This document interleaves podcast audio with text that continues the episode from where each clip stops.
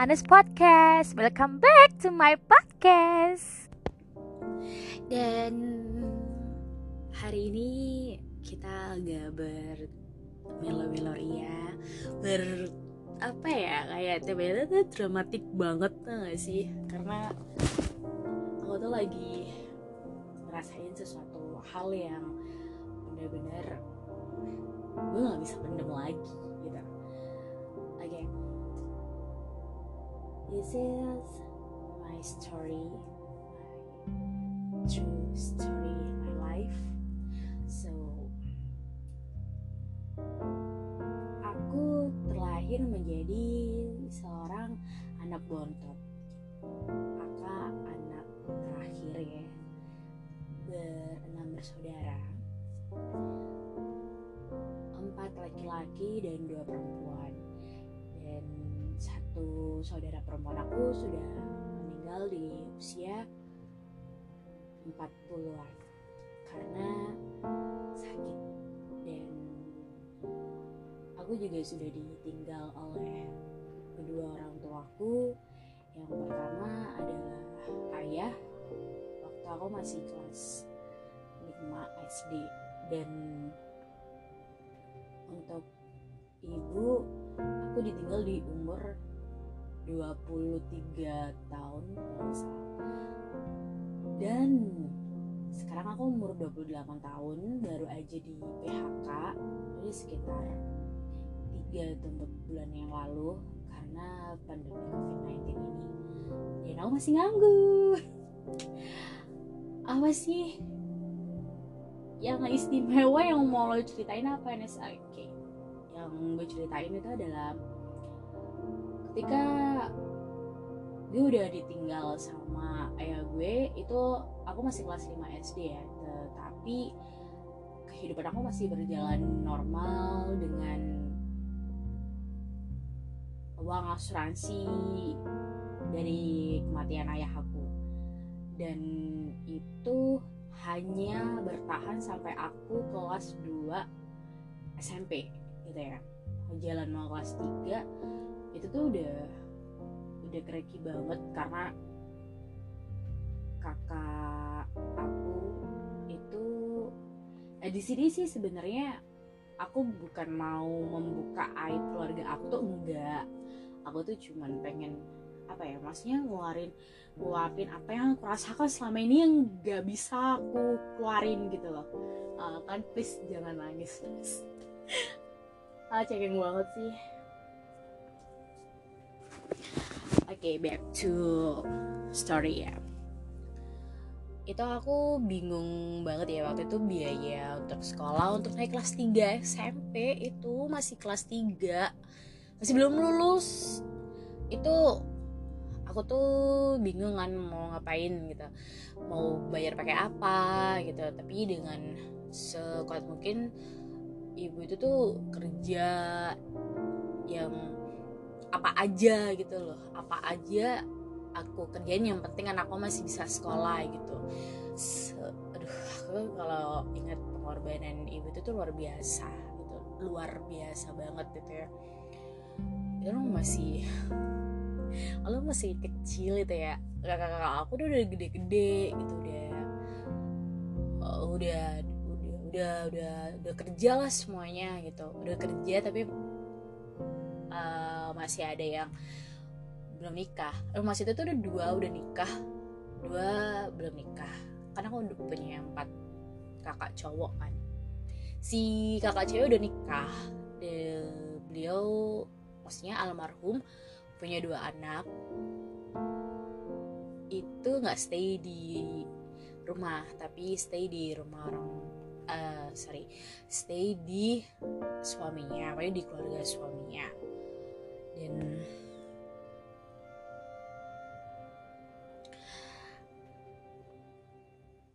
aku tuh ngerasanya dari SMP ini tuh sebenarnya udah ditinggal sama ayah itu tuh udah udah kehidupan aku tuh sebenarnya 180 derajat tuh udah berubah gitu. Yang awalnya itu tuh yang bener-bener dimanja banget dimanja banget aku ngomong apa gitu maksudnya aku minta apa gitu besok itu tuh udah uh udah berangkat itu maksudnya udah udah cari orang tua itu tuh udah ya keinginan aku tuh tuh terpenuhi apa pun itu gitu ketika orang tua masih lengkap ya. Ketika aku udah ditinggal ayah itu tuh 180 derajat itu tuh bers gitu langsung berubah dan aku harus berusaha sendiri bagaimana aku bisa memenuhi keinginanku gitu. Dalam artian eh, masih ini ya masih masih kecil belum belum tahu apa apa gitu sebenarnya SMP itu sebenarnya udah gede ya tapi dalam artian dalam dalam siklus mental ya jangan SMP itu masih kecil gitu. Tetapi SMP itu tuh bener-bener aku tuh tuh di dipaksa untuk berpikir secara dewasa gitu. Sebenarnya belum dari segi mental juga anak SMP gitu ya maksudnya sedewasa apa gitu. Waktu itu aku ngejar ngejar beasiswa tingkat prestasi ya dalam tidak hanya akademik tetapi juga dari prestasi ekstrakurikuler gitu. Dan alhamdulillahnya aku bisa mengatasi maksudnya melewati kelas 3 itu tuh dengan sempurna dengan nilai dengan nilai yang bagus. Ya nilainya cukup lah gitu ya untuk sebenarnya bisa masuk ke sekolah negeri gitu. Tapi itu di tahun berapa ya? Di tahun 2000-an itu dana bos itu tuh berapa sih? Nggak segede sekarang kan? Maksudnya bisa digratiskan itu dulu kan nggak bisa gitu. Dulu tuh banyak banget uh, banyak banget bukan kendalanya ya tetapi banyak banget syarat-syarat yang harus dipenuhi yang lo harus penuhi syarat itu kalau harus sekolah gratis gitu dan itu susah banget itu dan. Aku ngerasanya itu yang sangat-sangat berusaha di kehidupan aku tuh cuman aku sama ibuku aja gitu. Kalau kakak-kakak itu tuh tuh udah bodo amat seriusan bodo amat gitu ya. Mereka lebih mementingkan kehidupan pribadi mereka masing-masing ya. Mungkin karena belum bisa move on dari kemanjaannya mereka-mereka sewaktu dimanja oleh orang tua kita gitu. Sampai akhirnya tahu nggak sih mungkin aku nggak tahu ya ini tuh ini benar-benar cerita real aku tapi kalau itu masuk ke kehidupan kalian atau sama dengan cerita kalian gitu lo punya teman itu lo nggak sendiri. Balik lagi ya kayak di story aku. Beberapa itu tuh aku tuh baru ngerasain itu tuh udah udah pas gede itu ya mikir itu kalau ternyata itu tuh kakak nikah itu pakai uang asuransi ayah gitu ya.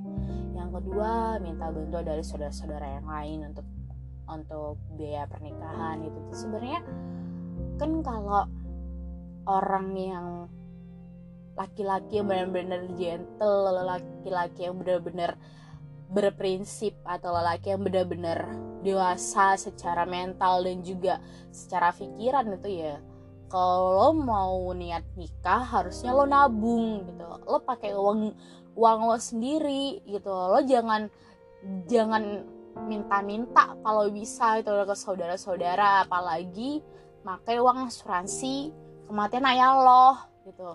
Bodoh kan itu. Kalau untung itu kakak gue ya. Kalau gue punya calon suami kayak gitu malu bener-bener malu gitu.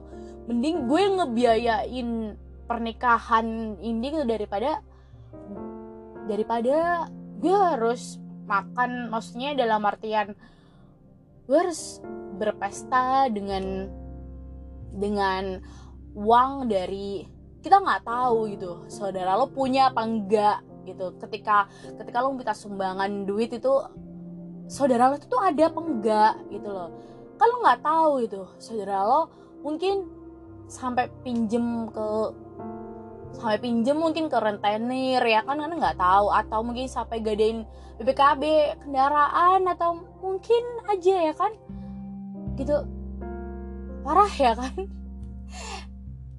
Dan next ya ketika gue sekolah SMA gue nggak bisa masuk SMA negeri. Seharusnya sih bisa cuman karena kendala dari kendala dari biaya dan sebagainya gue masuk SMK nih. Dan itu SMK swasta. Dan lebih parahnya lagi tuh tuh gue nggak nggak sampai lulus gitu. Maksudnya kelas 1 itu tuh gue udah udah putus sekolah gitu. Karena yang pertama ibu tuh tuh bilang e, ada ibu nggak bisa biayain hidup kamu eh dalam artian biayain sekolah kamu gitu. Sebaiknya kamu kerja di sam, uh, seperti teman-teman yang lainnya gitu. Kerja di mungkin kalau dulu itu tuh jadi penjaga toko atau outlet gitu ya di mall gitu itu kan tanpa sebenarnya bisa tanpa ijazah ataupun pakai ijazah gitu. ya udah mau mau gimana lagi gitu karena biaya sekolah yang biaya sekolah yang terlalu tinggi apalagi biaya-biaya prakteknya juga. Setiap satu kali praktek butuh biaya. Dan itu tuh udah ratusan ribu gitu. Dulu kan wah ratusan ribu tuh udah gede banget gitu. Kalau sekarang kan ratusan ribu kan itu biaya yang paling murah gitu. Karena sekolah kan sekarang kan butuh duit jutaan gitu. Dan mau nggak mau gue juga harus berhenti gitu. Gue harus berbakti sama orang tua gue gitu. Karena ibu sendiri juga nggak bisa gitu untuk memenuhi biaya sekolah yang begitu besar gitu. Dan oke okay, aku memutuskan untuk putus sekolah dan aku mulai bekerja di umur yang masih uh terlalu dini banget itu ya. Masih umur berapa? Masih umur 16 jalan terus 17 18 sampai umur berapa ya? Umur 20 itu terus aku loncat lagi kerja jadi cleaning service sampai di umur 23 itu sampai boy sampai ibu meninggal itu. Dan di situ tuh udah benar-benar bayangkan ya kamu masih belum nikah kamu punya sebenarnya kamu punya kakak gitu ya. Tapi kakak lo nggak ngejagain lo gitu. Malah lo yang ngejagain kakak-kakak lo. Eh kenapa kok kamunya yang ngejagain kakak-kakak kamu gitu? Udah gini aku juga nggak nggak tahu ya. Aku sih cuma berpikir itu tuh begini. Rezeki akan selalu mengalir itu tidak hanya kita bersedekah tetapi uang yang kita keluarkan untuk orang tua dan keluarga kita. Uang itu keluar untuk saudara-saudara kita. Itu yang aku yakini tetapi semakin aku berpegang prinsip itu kok semakin bener rezeki itu tuh alhamdulillah itu selalu ada gitu. Alhamdulillah tidak kekurangan. Tetapi itu yang ngebuat yang ngebuat kakak-kakak aku tuh malah apa ya bahasanya itu. Kalau bahasa Jawanya itu tuh terlalu jaga no gitu. Aku nggak tahu ya. Itu bahasa aku lupa pakai bahasa Jawa ya. Malam ya aku orang Jawa aku orang Surabaya. Dan dari situ ya itu tuh malah semakin ketika kakak kamu itu lagi bener-bener mampet banget itu ya selalu melihat kamu yang bekerja kamu yang mempunyai gaji tiap bulannya terima gaji gitu. Itu yang ngebuat kakak-kakak kamu itu tuh malah malah selalu minta ke kamu gitu dengan bermodalkan buat ponakan kamu buat uang jajan ponakan kamu atau uang sekolah ponakan kamu bla bla bla bla bla. Dan itu yang selalu aku alami di setiap maksudnya di setiap aku terima gaji atau di setiap lebaran atau sebagainya gitu. Kalau enggak gitu ya itu selalu disindirin gitu. Rising gak sih gitu kalau disindirin gitu tuh? Punya gaji gede ponakan kamu nggak dibeliin ini itu ini itu lebaran nggak dikasih amplop dan sebagainya gitu. Risih kan gitu dan dari situ ya. Terus ada lagi ponakan uh, mbak uang sekolah aku ini telat bla bla bla bla bla gitu. Ya aku kasih. Terus ini mbak aku nggak bisa wisuda kalau nggak kalau nggak bayar ini oh oke okay, aku kasih gitu. Dan uang aku tuh habis buat begitu begitu doang dan aku nggak bisa ngerasain benar-benar ngerasain aku tuh tuh pengen kayak seperti anak muda yang lainnya gitu ya mungkin kalau anak K-popers bisa beli album itu bisa beli merchandise official. Itu itu juga pengen gitu tuh pengen gitu. Ngelihat teman-teman eh teman-teman punya temen nongkrong gitu. Ngemol beli apa gitu belanja bareng atau nongkrong bareng gitu atau ngopi-ngopi cantik ya kan? Makan dessert itu terus cerita-cerita masa muda lo gimana bla bla bla. Gitu tuh pengen banget seriusan pengen banget itu. Dalam circle keluarga itu tuh bener-bener toxic banget gitu ya. Bener-bener toxic dan aku masih belum tahu keluar dari zona ketoksikan itu tuh, tuh gimana itu dan aku ngerasa itu kalau lo harus harus bisa keluar dan minta bantuan. Kalau kalau kamu pengen sehat gitu.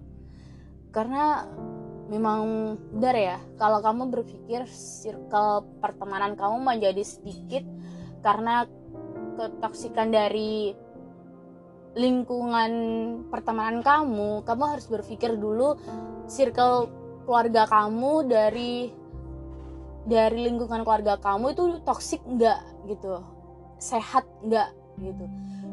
Kamu harus menyelamatkan diri kamu dulu dari ketoksikan siklus eh siklus lagi. Ketoksikan lingkungan keluarga kamu sebelum kamu keluar dari siklus ketoksikan. Siklus lagi. Lingkungan ketoksikan pertemanan kamu gitu. Karena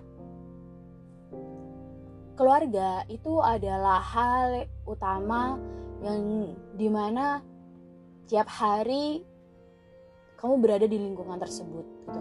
Kalau teman kan nggak setiap hari ketemu ya kan, kalau sekolah aja ataupun kerja aja Sabtu Minggu libur nggak ketemu kan tapi kalau keluarga setiap hari ketemu gitu pagi siang sore malam bangun tidur melek lo ketemu sama keluarga lo gitu. Ya itu tadi ketika kamu berusaha untuk menyelamatkan diri kamu di lingkungan pertemanan kamu yang toksik kamu sebenarnya harus memberanikan diri mencari bantuan untuk keluar dari ketoksikan lingkungan keluarga kamu yang seperti aku gitu ya yang absurd banget gitu gak ada yang bisa menyelamatkan diri kamu. Kalau nggak diri kamu sendiri kenapa? Percayalah ketika kamu berada di titik terjatuh kamu gak ada yang bisa bantu kamu termasuk keluarga kamu. Percaya aku nggak nggak nggak mau menuntut kamu untuk percaya sama aku tetapi itu yang aku rasain. Karena apa?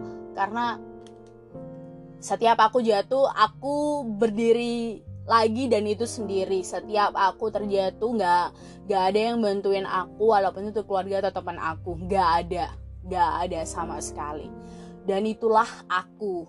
Aku tidak tidak mau mengajak kalian untuk terprovokasi dengan cerita aku tuh enggak tetapi aku mencoba untuk memberikan semangat ke kalian. Ini cerminan lah. Maksudnya dalam artian kamu bisa menjadikan cerita kehidupan aku ini menjadi contoh gitu. Oh belajar dari kehidupan uh, podcastnya Anes nih gitu. Oh ternyata cerita kehidupannya seperti ini seperti ini seperti ini. Itu yang menjadi patokan kamu untuk mencari jati diri kamu yang sebenarnya. Oke okay, thank you banget buat kalian yang sudah dengerin podcast aku malam hari ini. Semoga podcast aku bisa memotivasi kalian untuk menjadi manusia lebih baik. Dan semua yang aku ceritain di sini ambil positifnya dan buang yang negatif. Sekian dari aku, selamat malam dan selamat beristirahat semuanya. Bye bye.